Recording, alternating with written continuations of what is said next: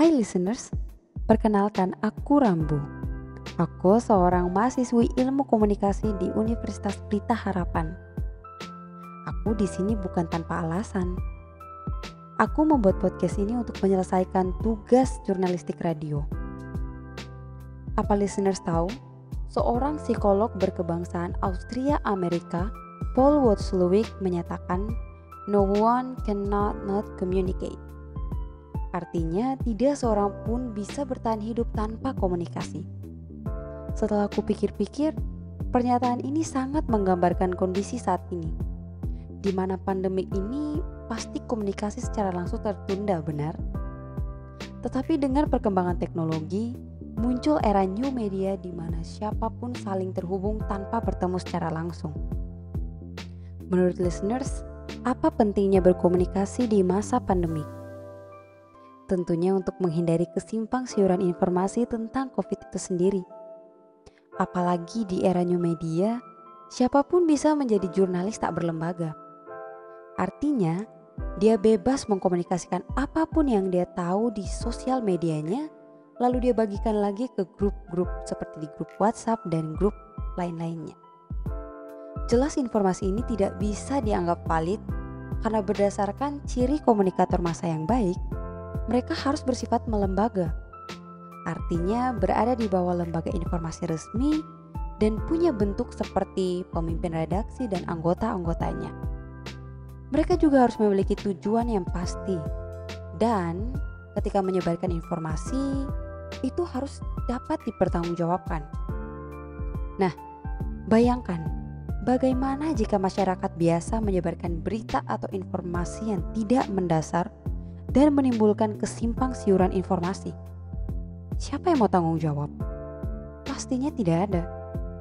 Di sini aku menarik kesimpulan bahwa tanpa komunikasi yang baik, dunia akan kacau.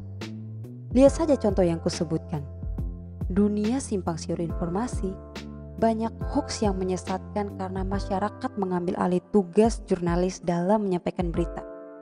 Sekalipun berita itu tidak berdasarkan fakta, kasarnya sih bisa ku bilang berita itu tidak penting.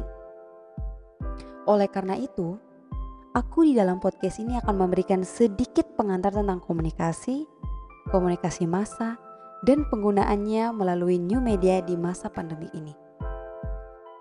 Basically, komunikasi adalah penyampaian pesan dengan simbol-simbol tertentu dan menciptakan kesamaan makna antara komunikator dengan komunikan. Oh iya, sebagai informasi tambahan, komunikator itu adalah orang yang menyampaikan pesan, sementara komunikan adalah si penerima pesan. Di komunikasi ada dua jenis. Yang pertama, komunikasi satu arah dan yang kedua komunikasi dua arah. Dua arah dalam hal ini terjadi bila ada hubungan timbal balik antara si komunikator dan komunikan. Seperti percakapannya menjadi bersinambungan Sementara yang satu arah bagaimana? Mungkin itu pertanyaan yang muncul dalam diri listeners. Oh iya, listeners tahu orasi mungkin? Atau tahu penyampaian berita oleh news anchor?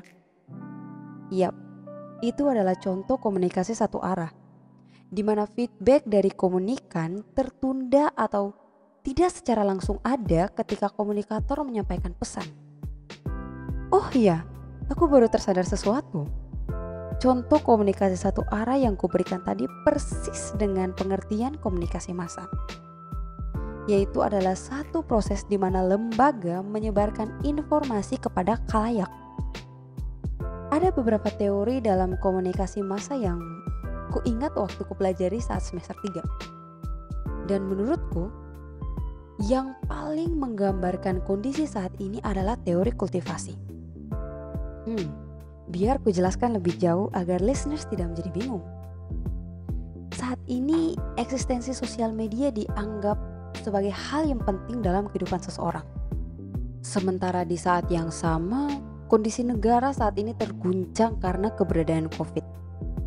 Banyak masyarakat yang tidak bertanggung jawab dalam menggunakan sosial media mereka untuk memposting sesuatu yang sangat-sangat tidak mempunyai nilai berita. Nah, Jika informasi yang diposting oleh orang tidak bertanggung jawab ini dilihat oleh pengguna sosial media level berat atau seorang pecandu, jelas akan disebarkan tanpa dicek kebenaran dan fakta dari berita tersebut. Sementara pengguna sosial media level ringan ya pasti akan terselamatkan karena mereka mampu membedakan mana yang benar dan mana yang perlu dicek lagi akan fakta dan keakuratan beritanya. Hmm, biar ku beri contoh konkret agar listeners makin percaya. Di awal COVID, ingatkah listeners bahwa salah satu selebgram Indonesia membuat cairan air purifier dengan sabun detol? Bayangkan, itu jelas-jelas berbahaya bagi pernapasan manusia.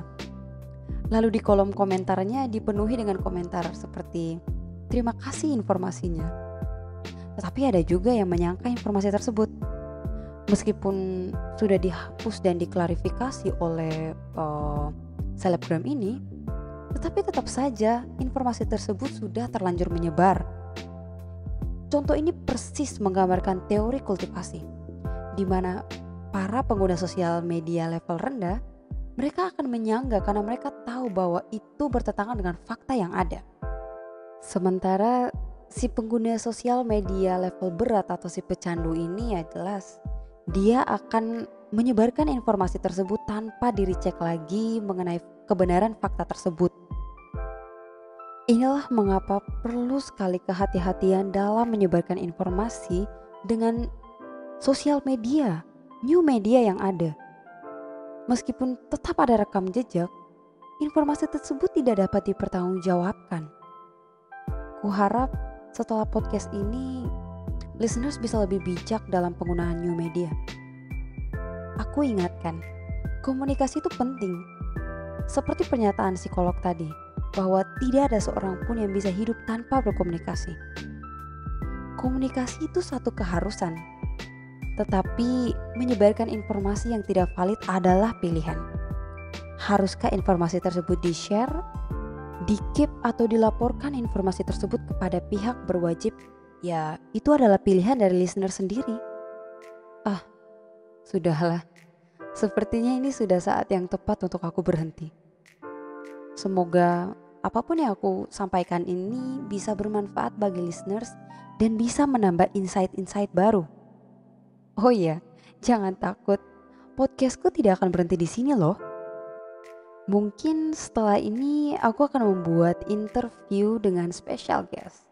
Silakan menebak-nebak hingga waktunya. Jangan sampai listeners tidak mendengarkan lagi ya.